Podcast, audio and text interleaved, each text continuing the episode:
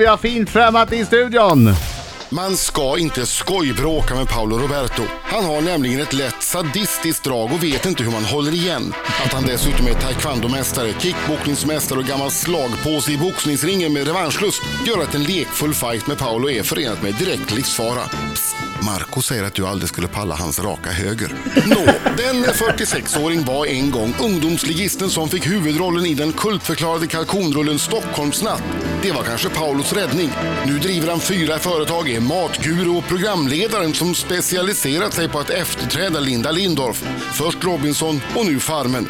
Hans pyramidala ego står nu också någon sorts rekord. Paulos nya bok heter Paulos budord. Försöker du peta Gud eller? Ja, tackar presentationer. Alltså, vänta, vänta. Alltså, jag tillhörde generationen som tittade mycket på Stockholmsnatt. Att Birging ens alltså, uttrycker ordet kalkonrulle.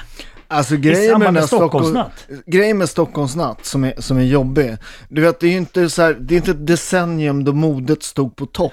Du, du vet, ja, men ni skrattar här när era jävla, för ni, ja men du Men har, inte gjort här- någon, du har inte gjort någon ungdomsfilm 1987, det har jag. All, du vet, jag kan träffa ungdomar, de åker, de åker tunnelbana ibland, jag kan träffa 16 de bara brorsan, Paul Roberto, Stockholmsnatt. Du vet, har de sett det, det är därför de ska förbjuda nedladdning på nätet. Hur fan såg man ut? Långt jävla hår, Ja. två stora guldringar i öronen och pungbralla, kommer ni ihåg den? Ja. Man drog ju upp byxorna högt så in i helvete, typ under armhålorna. Och så spände man liksom ett bälte under Ah, hällorna. Ja, fy fan, det är konstigt man Hade fick barn. inte du en sån här klassisk, vi pratade om det här om veckan, Mm. åt, mode man, eh, man eh, minns, som Ja. man bara var tvungen att ha. Hade inte du en sån här Bagheera-overall i, i glada färger? Klart alla hade. Och, och, och, och man hade alltså själva jackan nerstoppad i byxorna och, ett, och, och ett bälte över, du vet, med ett så här, med, med ett lejon på, lejonbälte. herregud. Och, och snabba backdojer. Ja, ja, Just det. ja, just Vad var det? Det, var, det var ett märke som var lätta och bra att sparka med. Alltså så corny. En viktigare fråga här, är du rädd för Marcus höger? Nej, men jag tänker inte gå i den fällan. Det, Tack! Bra! Sluta Adam! Lägg av! Alltså första gången jag intervjuade Paolo, det var 1993. Ja. Då var du med i mitt tv-program och då skulle du gå en, en match ja, i kickboxing, boxningen. kickboxing. Var det kickboxning? Ja. Ja. Och då, och då så, så var Paolo där och skulle demonstrera eller någonting. Jag kommer inte ihåg vad det var, du skulle demonstrera något. Och jag var programledare och, Ma- och Paolo sa, eh, slå mig i ansiktet. Det här är direktsändning. Herregud. Och, och jag bara, mig i nej, ansiktet. nej det kan jag väl inte göra. Och Paolo, jo men slå mig i ansiktet! Det, är- det är direktsänd TV. Och jag bara, nej men Paolo, ärligt, det, det, här, det är inte kul längre. Kan du inte bara visa? Nej men slå mig i ansiktet, säger Paolo. Nej, jag kan inte göra det. Då slår Paolo mig. Nej, men, Ja. Alltså en, typ en örfil, Ja. fast lite hårdare, så bara tjongar till. Ja.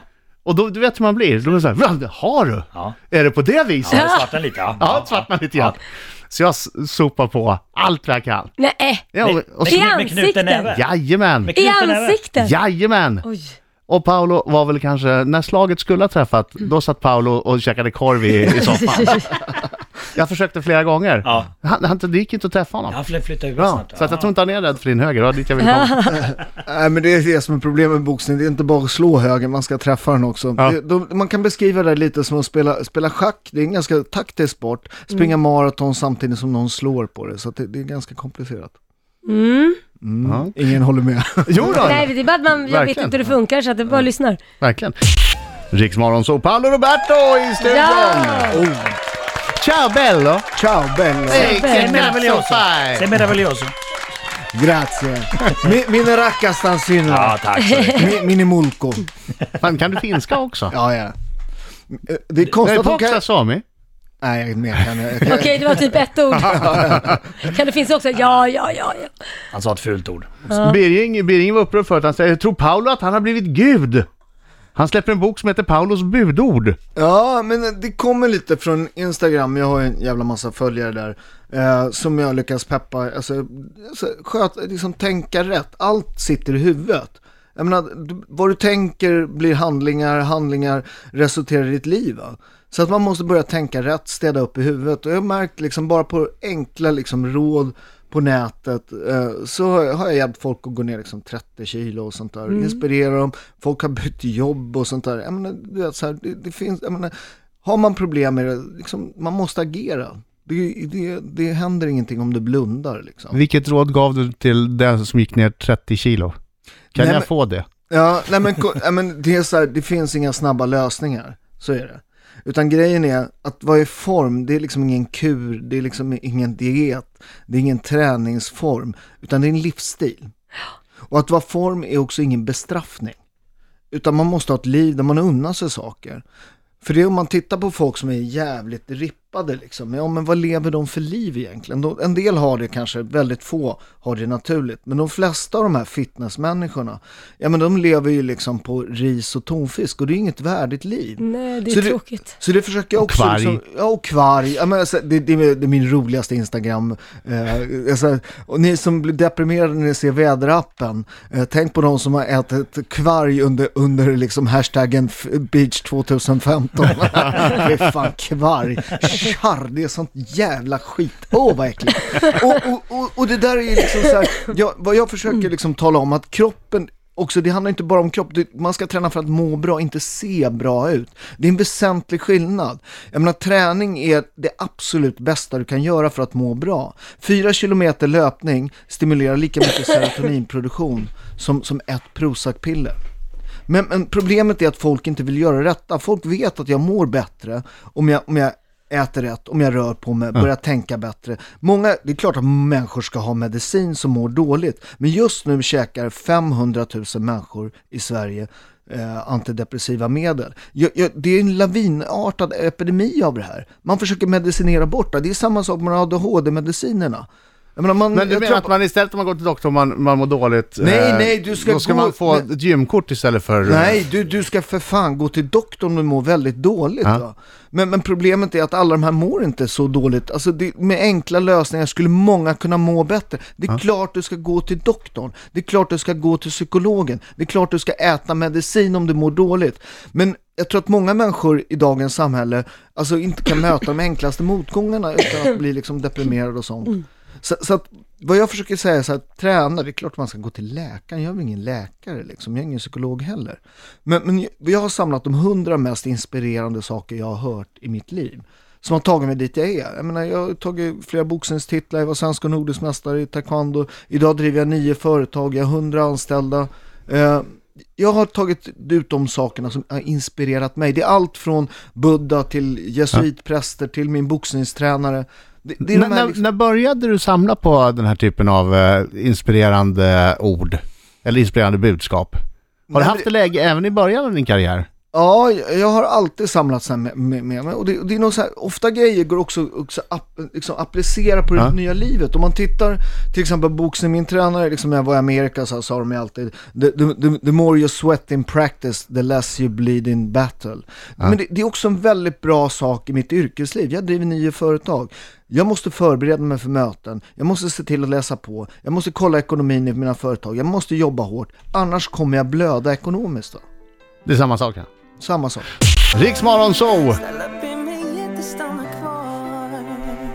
Danny, Den. det brinner i bröstet. Paolo är förvånad att ingen har släckt. Ja, ja, det är vi allihopa. Det är vi Paolo sa, "Va? han har brunnit i bröstet på den där Ja. stackaren sedan maj. Ja, men nu har man ju chansen att som filtar sa på jag honom på gillar sånt, jag är en Riksfestivalen. blödig italienare, det är klart det har brunnit i bröstet. Ja! Paolo! Ja! Är det sånt du lyssnar på i bilen? ja li- alltså inte riktigt så här, men jag, jag, jag, jag börjar bli min pappa. Det, så jag gillar lite sånt där måste jag säga. Men, men gråter du till det när man, när man lyssnar? Ja, nej, men jag, inte den här typen, men det finns de här napolitanska eh, Sondato Innamorato och de här liksom, då, då är, kommer en liten tår. Mhm. Vill du, få, vill du få Paolo att gråta nu eller? Jag är nyfiken på hur det låter. Ja, vi får ta det sen. Ja. Du, du, dina favorit... Eh, eh, fraser från boken, vad säger man? Nej men de är lite längre, men, men de, de korta är väl liksom, eh, trygghetszonen är en, en trevligt ställe, Ja. kanske. Men det enda som växer där är liksom din mage. Utan man måste ge sig utanför be, bekvämlighetszonen. Allt som du har drömt om, det finns bort, bortom din rädsla. Va? Det är en sån typ som finns med. Mm. Eh, jag menar också de här, jag menar också jag försöker en del prata om det här med, med dieter och, och sånt där. Eh, ni vet ju vad LCHF står för? Ja. Low carb, high fat. Nej, nej, nej. Lazy celebrities hating fitness. Det är metoden för lata människor. Jag kan inte äta pasta för jag blir tjock. Du är tjock för du är en lat jävel för fan. Rör på Men är dig! inte människan ganska lat i naturen Ja, liksom? jo, jag, men jag- tänker, jag tänker så enkla grejer som egentligen sk- skit att ta hissen upp. Ja. Om man ska ha några varningar och, och promenera istället. Men att, att det, det, hjärnan spökar ju så mycket. Nej, det är skönt att ligga på soffan istället Ja. för liksom att gå ut och springa. Jo, men det, det, det är ju så. Det där Men är kroppen är ju... Ja men det där är, natur, det där är naturlig instinkt. Det har Ja. varit viktigt för oss i vår överlevnad. Alltså när vi var jägare samlare, man gjorde sig inte liksom av med, med en- energi i onödan. Nej. Utan när vi är mätta, då säger vår, liksom, hela vårt arv, lägg det ner, ta det lugnt. Och det blir ett problem i vårt moderna samhälle. Eftersom vi aldrig behöver ut och springa och jaga Äh, äh, du någonting. behöver aldrig vara hungrig. Nej, så, så det blir ett problem. Så man måste ju liksom strida mot instinkten. Va? Så, så att det, det är ju den grejen. Vi ska prata lite om Paulos eh, familjs eh, nya restaurang alldeles Mm. strax. Eh, och också, vågar du köra en stenhård Marcos minut med Paolo? Jag är helt orädd. Se på mig. Är du Är du helt, Helt orädd? orädd. Ja. Titta på Vad, Paolo vad, nu och du, säger vad sa du min mamma? Vad sa du min mamma? Se Nej, på Paolo nu. Adam, Adam, jag lägger första. Okej. Jag har lovat att inte slå dig, men jag vet inte om jag kan hålla det. Morgonzoo! Riksmorgon så sex minuter i nio klockan i studion Adam. Laila? Marco, Köttemörken. Och, och, och. Paolo Roberto heter Ja. jag. ja, ja. Se meraviglioso. Du, du, du fjäskar lite nu för att Ja, du ska köra man är Marcos minut. Kommer Du kommer få ett tiotal ja nej-frågor av Ja. Marco. Ja, Du måste svara ärligt på dessa. ja, Och eh, Laila är levande lögndetektor. Hon märker Ja. om du ljuger. Mm, det märker jag. ja, jag ser det. Paolo Roberto. Måste du Titta prata på så? mig. Titta på mig. Det är en finsk porrfilm, är det så? nej, nej, det, det Okej. finska Janne Josefsson är det. Paolo, Ja, tycker du att svensk flyktingpolitik är bra? den är urusel. Den är en skam. Har du någon gång legat naken och spelat tv-spel? Ja, Har du gråtit senaste veckan? ja, Har du någon gång bett någon dra dig i fingret för att sen släppa en riktig rökare? Jag är kille, det är klart jag gör. Ansar du ditt könshår? Nej, Har du tagit en springnota någon gång? ja, Visste du Paolo att innan du kom så Innan jag sa kom? Adam att tur att Paolo slutade med boxningen. Annars skulle man själv vara tvungen att snöra på sig boxningshandskarna och ge den italienska hunden en dagsedel. nej det visste jag faktiskt inte. Nu vet du det. Nej, Ah, en fråga kvar bara. Ja, vi- älskar, vi- du, vi gjorde- älskar du Markoolio? Ja, faktiskt. Ja. Vi, vi bestämde ju att ingen av oss skulle eh, hitta på sådana där saker. eh, kasta in vedträn. Kuppade lite. Adam, Jag du vart, rikt, du vart riktigt lite röd i ansiktet. Ja. Du fick Ja, lite därför, att puls. jag, därför jag är generad Marcus och vi har tagit i hand på att ingen ska... Att jag inte skulle Men berätta då det kan väl jag säga sa. vad du sa om hans exfru förut? Åh! Va? Vadå? Vad sa- Nej! Nej! Nej! Det där klarar du bra. Ja. Det klarar du bra. Men jag är ju väldigt nyfiken på två saker. Vi får bara ställa en följdfråga, Ja. sådana är reglerna. Ja. Ska vi ta äh, gråten eller ska vi ta springnotan? Vi tar eh, springnotan. Alltså, Nej, det är roligare gråten. gråt. Ja, Okej, Paolo, känsliga Paolo, det är roligare. okej, okej. Ja. Va, när grät du? Varför? Nej, men jag, jag, jag är otroligt så här tårdrypande. Jag såg något på nätet med, med någon flyktingbarn. Eh, som, åh, det, det, det, alltså ett barn, svält, krig, smutsigt. Det gör så ont i mitt hjärta att det där ska ske. Alltså. Det, det, och det är en så otroligt svårlöst, när jag säger det här med flyktingpolitik, det är inte så att jag menar att vi ska begränsa den. Jag, jag, jag menar att vi måste ha en lösning. Alltså det går inte att ta hit massa folk, de måste ha arbete, de måste ha sysselsättning. Du vet, hela vårt politiska system ljuger. De säger öppna upp vårt hjärta. Det är klart vi ska göra det, men vi måste ju för fan ha en plan. De enda som har en plan, naturligtvis fel plan, är Sverigedemokraterna. Det är därför folk röstar på dem. Det är klart som fan att folk är oroliga. Vi tar ut massvis med människor, det kommer kosta pengar. Det måste liksom lösas på något sätt. Och för att folk inte ska göra Sverigedemokraterna till Sveriges största parti måste man för fan hitta en politik för det här. Det funkar inte genom att stänga ögonen. Det är en skam, svenska politiker. Skäms! Och det är också den här PK-maffian som totalt har liksom blockerat debatten om invandring. Va? Det, det är klart att en människa kan vara, tycka att det här är problematiskt. Va? Det är klart, Sverige är inne i den största förändringen någonsin i sin historia. Att man säger att det är inte ett problem, det är ju skitsnack. Det är klart att det kommer bli fiktion, det är klart att det kommer bli våld, det är klart att det kommer kosta pengar. Hur ska vi lösa det här? Frågar våra politiker. Jävla fegisar. Jag håller med om det, Faktiskt. att man måste ha en plan. Absolut. lackade. Ja. Jag skulle inte vilja vara politiker i det här rummet nu. Nej, de har fått en rak höger. Paolo Roberto! Buongiorno! Buongiorno!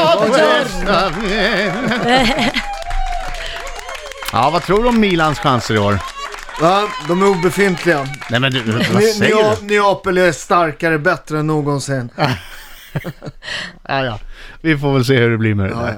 Du berättar nu då om eh, din och din familjs nya Ja, restaurang. det är min familjs restaurang. Vi har öppnat, eh, eller de har öppnat en pizzeria högst upp i Åhlénshuset, där jag jobbar ibland. I Stockholm? Ja, i Stockholm. Eh, vi har tagit dit sex stycken napolitanska, eller de har tagit dit sex stycken napolitanska pizzabagare som bakar äkta napolitansk pizza. Håller fem... Har de någon slags diplom? Hur vet man att... Ja men då, alla, alla är utbildade. Det, det, Alltså, är- är- ja, är det ja, så ja, alltså? ja, visst. Och de har na, pizzan är napolitansk. Eh, Och, den vad är, betyder vad det? skiljer det Är den tunnare eller? Ja, den, den är mycket tunnare. I botten har tjocka kanter, för att de har en helt annat system. De, om, den är aldrig rund, utan man bakar ut den rund och sen så lyfter de upp den för hand på spaden och så drar de ut den på spaden. Så den blir jättetunn i botten. Och det kan man göra om man jäser den länge över nät, natten. Ja. Ofta på pizzerior i Sverige så jäser man det bara någon timme och det är därför man blir så tjock i magen liksom, för att det är mycket jäst i degen.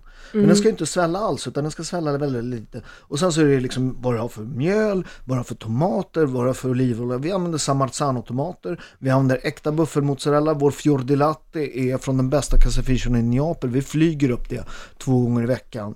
Fan, vi måste sluta prata Åh, pizza. Jag det blir för hungrig alltså. Jag blir för hungrig. Ja men så, så att allt, alltså det är skillnad på, alltså du vet den här pizza med fyrkantig skinka som är gjord i, alltså det är Ja. en skräpprodukt. Men burkchampinjonerna, de, de gör ni inte avkall på hoppas jag.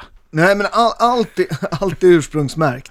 Eh, så vi, alltså allt är efter Verace Pizza Napolitana, det finns en kontrollorganisation. Är det vedeldade ugnar? Det, det, annars är det varm macka. Jag läste, jag läste någonstans att i, i Napoli där eh, så eh, det var ont om ved.